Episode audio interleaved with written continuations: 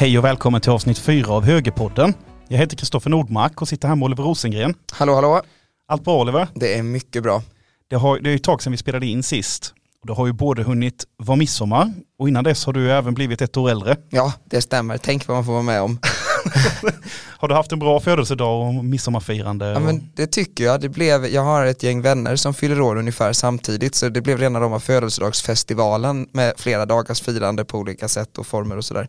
Det är ju trevligt, det är trevligt och särskilt i de här tiderna när man eh, är lite försiktig med att umgås, att ändå ta, ta tid att träffa varandra och sådär och, och eh, försöka göra det under, under eh, någorlunda coronavänliga former även om vi vill är i ett sånt läge nu där det är väldigt svårt att man inte helt isolerar sig att, eh, att eh, stänga av sig men, eh, men väldigt trevligt med, med, eh, med lite firande och midsommar för min del blev sån där småländskt idyll firande. Vi var eh, hos en väns eh, sommarställe som är eh, vid, vid vattnet utanför Lammhult och, och lagade mat och åt tillsammans ute. Det var ju strålande väder och sen var det dans på logen och grejer så det var verkligen allt man kan drömma om för ett midsommar. Du då? Jo men jag, eh, jag firade väl nästan liknande även det utanför Lammhult. Så att, Mhm, eh, Vi skulle sammanstrålat. Ja precis.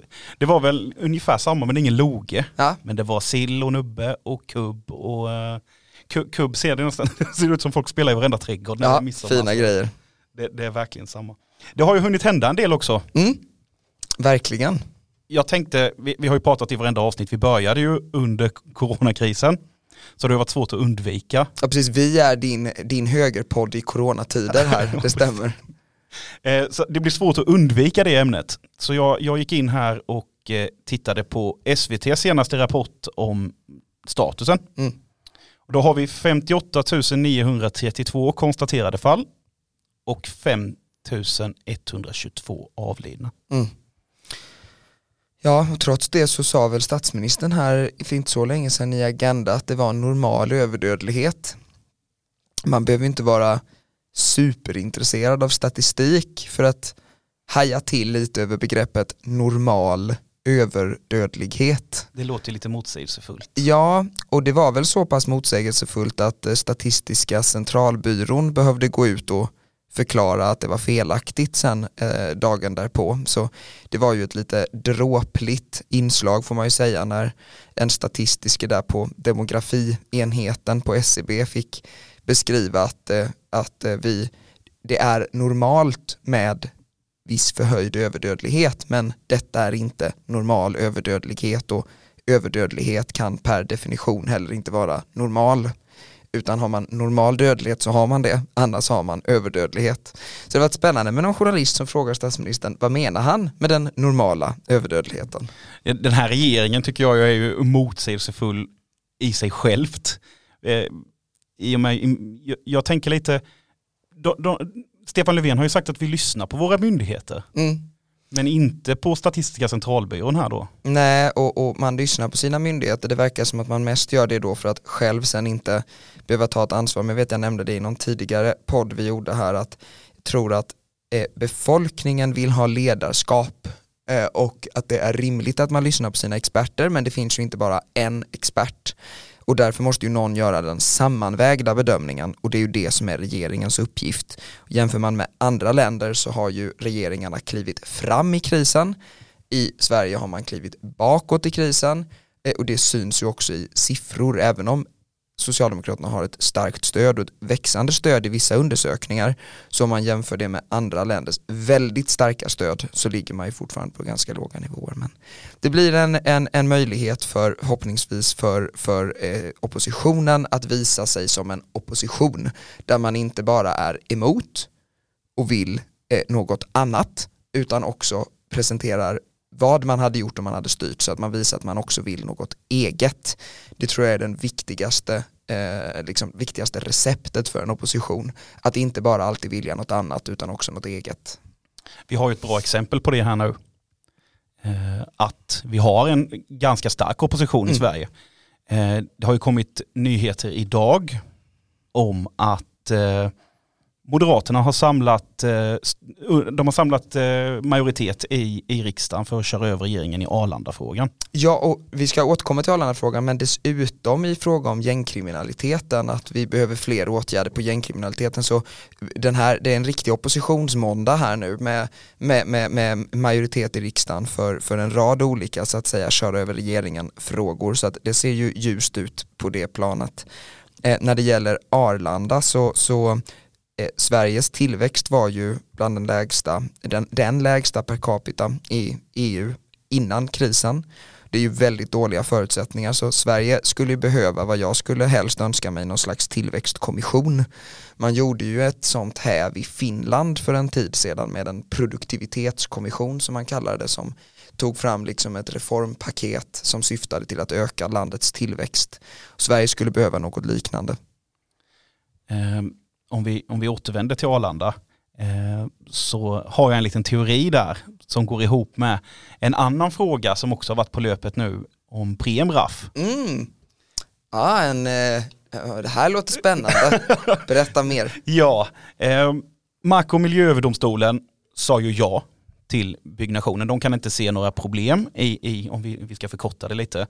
Eh, det kom ju i förra veckan den här nyheten. Nu ligger ju frågan hos regeringen som har velat ta över den här frågan. Vilket i sig är anmärkningsvärt. Otroligt anmärknings anmärkningsvärt eftersom Premraf redan från början har följt reglerna som Sverige har varit med och drivit fram i EU. Ja men hela poängen med att har man nu lämnat ut en fråga till en domstol, ja då har man ju gjort det. Och att då bara lite sådär plocka tillbaka den till regeringen efteråt, det finns lite frågetecken kring det också. Ja men domstolen kanske inte riktigt ger det utfallet som du vill. Ja, exakt. Ja, så härligt det är med oberoende domstolar och så. Ja, ja, ja här vis, detta visar i alla fall att det fungerar med domstolarna i Sverige. Mm. Kan jag tycka. Ehm, men handel med utsläppsrätter har ju Sverige varit drivande med att ta fram i EU. Här vill man alltså då inte följa detta. Nu har man ju inte gett något utslag än, men det tyder ju på det om, om Prem hade byggt det här raffinaderiet någon annanstans i Europa så hade det ju fortfarande genererat lika höga utsläpp som om vi bygger den i Sverige. Så där, där har vi liksom var det ligger då. Min teori är att regeringen kommer säga ja till Premraff. För att man lät Miljöpartiet få frågan om Arlanda. Nu, det är spännande. Nu, nu har man ju då lite problem kan jag se eftersom att riksdagen kommer köra över regeringen. Om Arlanda. Ja, så var det ju detta också med att ge stöd till SAS. Det lär ju också finnas med här i någon lite större uppgörelse men där har väl SAS vad jag då förstått eller har man ju eh, kommit fram till att ska SAS nu få mer medel, mer pengar då måste man också gå med på att göra en större klimatomställning så att det är många frågor här där det känns som att det är ganska uppenbara eh, liksom kompromisser som ligger, ligger eh, framför öppen ridå jag, jag säger, det, det partiet i Sverige som borde vara gladast för tillfället är nog ändå trots allt Miljöpartiet. Mm. För att ett så litet parti får styra och ställa så ofantligt mycket, det, det tycker jag är anmärkningsvärt. Alltså. Det... Men nu då så verkar ju som du sa Arlanda bli av och för många är ju detta en, det är ju en stor tillväxtmotor för hela landet. Det är ju också eh, en, en liksom internationellt viktig hubb för Sverige. Eh, så att det blir spännande att se hur detta utvecklar sig. Men man har ju haft en jämförbar debatt även i London med Heathrow och utbyggnaden av en ytterligare landningsbana där som ju har tagit människor till parlamentet och annat eh, bara i den frågan då så att säga. Så att det, det, här med flygplatsutbyggnader tenderar ju faktiskt att bli rätt stora frågor och man kan ju till detta lägga till att det ju finns en pågående diskussion i Stockholm om hur man ska gå vidare med Bromma om man går vidare nu med den här eh, långsiktiga idén om att man inte ska ha kvar Bromma, ja då blir ju Arlanda än mer centralt för att bli det liksom flygplatsen i Stockholm. Eh, så att, i Stockholmsregionen, så att där, det, det, det är många dimensioner i Arlanda-frågan, absolut. Gäller Bromma där så kan det också finnas intressanta lösningar för framtiden. Jag, jag tror det var, vad heter hon, borgmästaren, moderaten i, i Stockholm? Anna Köhler Jernmyr. Jag tror det var hon som, som när jag lyssnade på Kvartal som berättade att en tanke kring Bromma, eventuellt kanske, är ju om det här med elflygplan går framåt. Ja just det, intressant. Då behövs ju små flygplatser till, mindre flygplan då, framförallt för inrikesflyg. Mm. Och det skulle ju vara perfekt för Spännande. Stockholm att ha en flygplats där man då kan ansluta till, till Arlanda då. Just det, låter jätteintressant. Vi, vi får se var den här följetongen slutar. Ja, Eh, men reformer för tillväxt behöver vi. Och nu är kanske inte en reform att bygga ut Arlanda men det är garanterat en tillväxtåtgärd. Och eh, därför är det bra att Moderaterna håller fokus på att vi behöver en ekonomi som snabbt återhämtar sig och växer, inte hindras. Eh, särskilt nu när det ser tufft ut för, för, både, för både, både tillväxtsiffrorna men också för arbetslösheten. Precis. Precis, det ska, bli, det ska bli kul att följa detta, Mm, mycket Eh, spännande. tycker jag.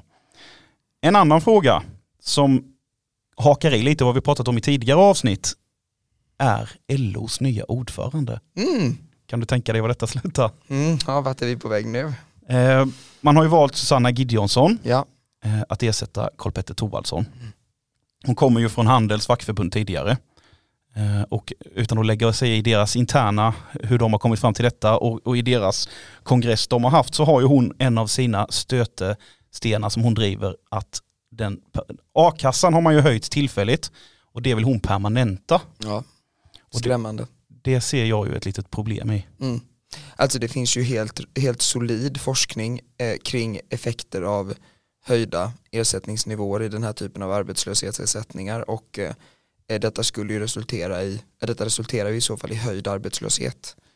Eh, så en av de högst prioriterade reformerna i någon slags coronaomställning eh, kommer ju vara att eh, eh, backa a-kassehöjningen eh, tillsammans med några kollegor har, ju, har, har jag ju personligen snarare drivit att man behöver reformera a-kassan i den andra riktningen, alltså göra den mer försäkringsmässig.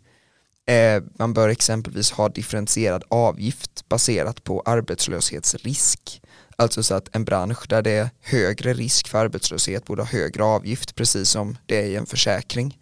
Eh, man borde titta på avtrappningen, hur den ser ut och man borde införa liksom på samma sätt som man hade under allianstiden i sjukförsäkringen en bortre tidsgräns borde man ha eh, på ett tydligare sätt även i, även i arbetslöshetsersättningen. Eh, Vill man ta i rejält på reformsidan så kan man dessutom överväga om man som parallellt system till en, en mer då så att säga försäkringsmässig a-kassa ska kommunalisera arbetslösheten, plocka bort en rad av de bidragen som idag ligger på staten och göra om försörjningsstödet. Men det är en, hel, det är en helt egen podd. Ja, vi, får, vi får ta det i ett eget avsnitt. ja, exakt. exakt. Vad tror du om eh, Susanna versus Karl Petter som röstmagnet till Socialdemokraterna? Karl Petter har ju åtnjutit ett väldigt högt förtroende bland väljarna. Ja, han är ju dessutom från Kosta. Just det, det är nära här. Mm. Ja, det känns ju alltid lite tryggt. Nej, men jag vet faktiskt inte.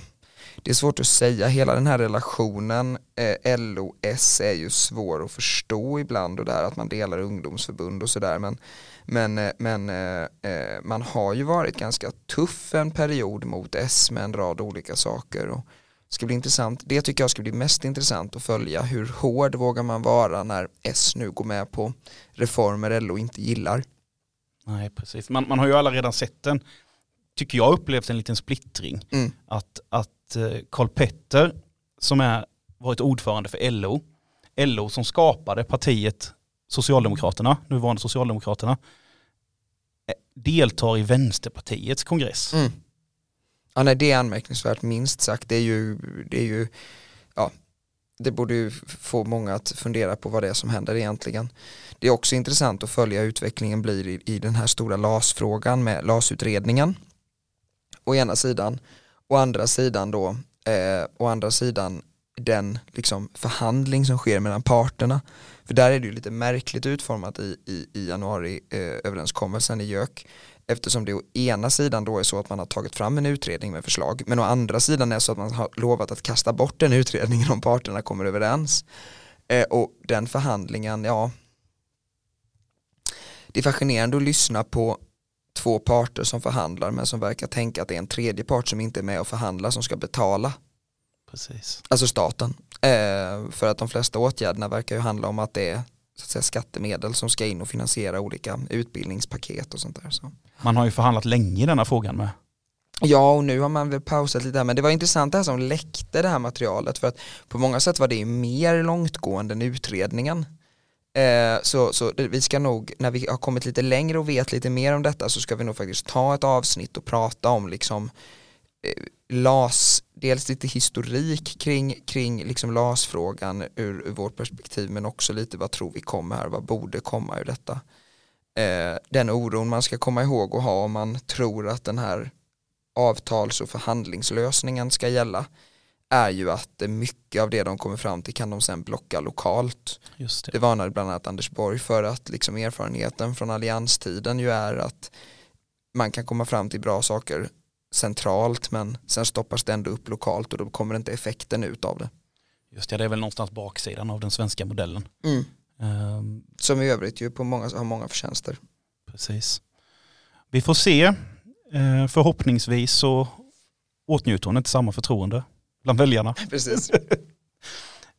Eh, en annan fråga som eh, inte har undangått någon tror jag är ju demonstrationerna runt om i världen. Mm.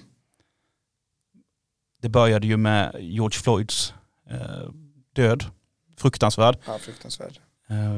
Men har ju eskalerat till något helt annat mm. tycker jag. Jag tycker faktiskt att det är, i grunden är det ju Alltså det är en fruktansvärd händelse men i grunden, eller det är en fruktansvärd händelse, punkt. Eh, det som också är provocerande är ju hur krafter som vill helt andra saker sen också kapar den här typen av liksom helt i grunden rimliga yttringar över att, eh, över att våldsmonopolet i samhället måste ha varsamhet mot människor. Alltså har, är man, är man eh, staten och har rätt att, att, att utöva våld på olika sätt mot människor baserat på olika handlingar så kräver det hög legitimitet och försiktighet och alla sådana saker. Um, och att en sån liksom rörelse kapas på det sättet av personer och organisationer som har mycket mer långtgående och helt andra politiska agendor. Det är nästan ett hån faktiskt mot de som drabbas av det som är är något som rimliga nästan alla människor då kan ställa upp på. Precis, precis. Det, en, en av de här yttringarna är ju alla dessa staty, förstörelse av statyer och statyrivningar. Det är ju bara en, en liten punkt i detta då. Mm. Eh, och, och, vissa statyer kan man ju förstå att folk är upprörda över att de får stå där de står. Mm. Det, det köper jag. Men att riva statyer mm. är något helt annat. Att, att försöka radera ut att radera ut historien istället för att om, om du har en, en, en, individ som har utfört något och fått en staty upprest sig för att man vill upphöja honom till någon typ av hjälte. Det är väl bättre då att lägga till information om detta, att vi, vi måste prata om de dåliga sidorna också. Mm. Vi kan inte bara lyfta fram de bra sidorna. Men att kasta statyn i sjön, då låtsas vi bara som att det aldrig har hänt. Ja, men det är så, um, alltså det är frustrerande. Det, det, det, det, säger också mycket. Det säger också mycket om vår liksom endimensionella verklighetsbild som många verkar ha. Alltså, å ena sidan då så kan måste allting mätas mot dagens måttstock. Alltså, jag menar, det gäller både på kort och lång sikt. Nu pratar vi om människor som fanns för hundratals år sedan. Det är helt uppenbart att de inte kan mätas mot dagens måttstock. Det är alltså det som är utveckling. Ja, men vi, vi har ju Carl von Linné till exempel ja, här, här lokalt. Där, exakt, där vi, alltså, vi har ju alltså utvecklats sedan han fanns. Det hade varit fruktansvärt om vi inte hade gjort det. Alltså tänk om vi hade haft samma måttstock idag som då. Det hade varit det hade varit ett gräsligt samhälle. Innebär det att han inte förtjänar eller någon annan inte förtjänar att uppmärksammas för det de gjorde i sin tid.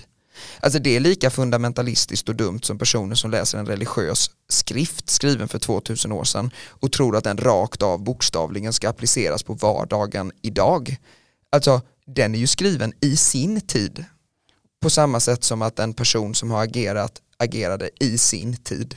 Och eh, jag tycker det, det, finns många exempel i vår samtid på när personer gör något uppenbart dumt och då är det som att vi inte kan se att men, människor är komplexa. Man kan inte vara bra på en sak om man har varit dålig på något annat eller tvärtom. Och det där är ju fel. Alltså det ger ju oss, det, det, det dömer ut människor, det gör att personer som egentligen gör fantastiska saker på ett område blir liksom kastade åt sidan och, och, och, och får inte komma fram med det de faktiskt gör. Vi riskerar ju att bygga ett samhälle där talang och kompetens liksom inte får komma fram därför att man har gjort ett misstag på ett annat område eller något jättedumt på ett annat område som man givetvis ska kritiseras för. Det är liksom inte en ursäkt för att göra dumma saker. Eh, men, men, men någon måtta och någon grad av liksom förmåga att hålla två tankar i huvudet samtidigt måste man väl ändå kunna vänta sig av folk. Det, det känns nästan som att så fort det kommer upp någon ny fråga som, som, som lyfts upp eh, internationellt. Då blir det som en hets, som, som en löpeld som mm. bara går över jorden där man slutar tänka. Mm. Vi har haft många sådana den senaste tiden mm. där, där det har börjat med någonting väldigt bra, en viktig fråga och så har det eskalerat ut till någon så ofantligt stort ja. så att eh, Ja, jag, jag vet inte, jag menar, om, om vi skulle gå på, på vad Carl von Linné sa på sin tid så skulle ju vi även tro att svalorna sover under havet på vintern. Ja, nej men det finns, det, finns, så, det finns många olika spår på det liksom. Och, ah, alltså jag kan inte... Men man, man, går ju ut och tittar, det blir som att man går ut och tittar. Jag bor i denna staden. Mm. Vad har vi för statyer här? Ja. Och, och den, någon måste, vi, vi måste också riva en staty. Det är samma sak med Gustav III i, i Stockholm. Så, som man ska riva då för att han köpte, vad heter de, eh, Sankt Barthélemy eller just det, just det. Eh, kol Sveriges koloni som vi hade där. Han köpte den vilket gör att han då var en förespråkare för slavhandel. Mycket dåligt om eh, Sveriges slavhandel. Ska vi riva hans staty för det? Men det, och det är ett så märkligt grepp, liksom, ja, kanske ska man, är det man ska lära sig att detta med att resa statyer det kan vi ju ha som en lärdom då, det kanske inte är det vi ska göra. Eh, men, men, men liksom historien har många sidor, många personer, komplexa personer, händelseutvecklingar som man varken kan kasta över bord därför att då riskerar vi ju att glömma dem. Och då kanske vi kommer dit igen för att vi, vi var så måna om att försvara oss i vår samtid från Precis. dålig historia att vi istället glömmer den dåliga historien och då ökar risken vill jag lova för att den ska upprepa sig. Så att nej, i detta finns det, finns det eh, bara stora risker. Jag tror, tror verkligen du har en poäng och, och det är någonstans där läsa och se vad har hänt som ja. är viktigt. Jag Upplysning, vet... det är svaret även på detta en, en, en kraftig upplysning för mänskligheten. På tal om upplysning så har de ju idag kastat färg även på Voltaire. Så att, ja men det är helt otroligt. men, men jag vet i, i, i förra avsnittet jag lyssnade på Brysselbubblan som släpptes 19 i sjätte mm. så pratade de just om detta med, de pratar inte precis samma som vi gör men det, jag kommer att tänka på det när vi pratar om upplysning. Mm. Där tar de ju upp eh, Belgiens historia eh, och Leopold II. Mm. Och då, då har de ju efterforskat att i belgiska skolor då börjar man läsa efter att Kongo blev belgiskt. Mm. Och inte under den tiden då Leopold II drev Kongo som ett privat, eh, privat koloni. Och, och där är ju någonstans frågan, va, vi måste ju läsa mer, vi måste ju också läsa om det fruktansvärda brotten som begicks. Ja, verkligen. Och inte bara att han byggde ståtliga byggnader i Belgien, för det är Exakt. ju därför de har satt upp statyer på honom. Ja, och antagligen är ett av skälen till att det finns en frustration kring detta att vi inte tillräckligt tydligt har beskrivit komplexiteten för att det finns någon slags längtan efter hjälten. Alltså nu gjorde Carl von Linné en bra sak på detta området så då kan vi bara prata om att det var så bra istället för att också då i historieskrivningen erkänna baksidorna. Och så måste man ju göra genomgående. Alltså det är få personer idag som är alltigenom onda eller alltigenom goda eller alltigenom bra eller alltigenom dåliga. Rimligen var det så även förr. Ja, men, ge oss istället en mer heltäckande bild av de här skeendena, de här personerna och det kanske är lärdomen att det byggs en frustration baserat på att man inte pratar om att Eh, de här olika, ja, på nyheterna idag på morgonen pratade de om, om Louis De Geer till exempel i, i, i Norrköping som ju eh, gjorde många bra saker och grundade textilindustrin och det ena med det andra men som ju också alltså deltog i slavhandel. Och det är säkert många som går på till exempel på, på, på, på, på den här skolan som är uppkallad efter honom. Jag vet inte men förhoppningsvis pratar de om både bra och dåliga saker han har gjort. Eh, och det borde man ju göra i skolan överhuvudtaget därför att människor funkar ju faktiskt så att de gör bra och dåliga saker och saker i sin tid som vi i vår tid vet är dåligt. Eh, men komplexitet är ju något som skrämmer både en och annan så att det är säkert det som är förklaringen. Precis. Eh, vi har ju, till dagens avsnitt här hade vi inte förberett. Vi har haft fullt upp innan, det har varit ledigheter och vi har både haft mycket på jobbet. Så att det blev, vi pratade lite om dem, vi har nu pratat om de här nyheterna lite grann. Och ja men en liten, en liten allmän, en liten allmän eh, liksom uppdatering. Pre precis. kan man behöva så här. Men till, till, nästa avsnitt om två veckor så ska vi, lovar vi att vi har förberett ett litet fördjupningsämne att prata om. Så att du ska få snabba dig iväg här Oliver. Tack så mycket, tack så mycket och eh, roligt att ni vill lyssna på den här podden. Jag ser fram emot att eh, få eh, prata vidare med er och eh, eh, om aktuella frågor under sommaren. Glöm inte att prenumerera och följa oss på sociala medier. Ha det gott, ha hej! det gott, hej!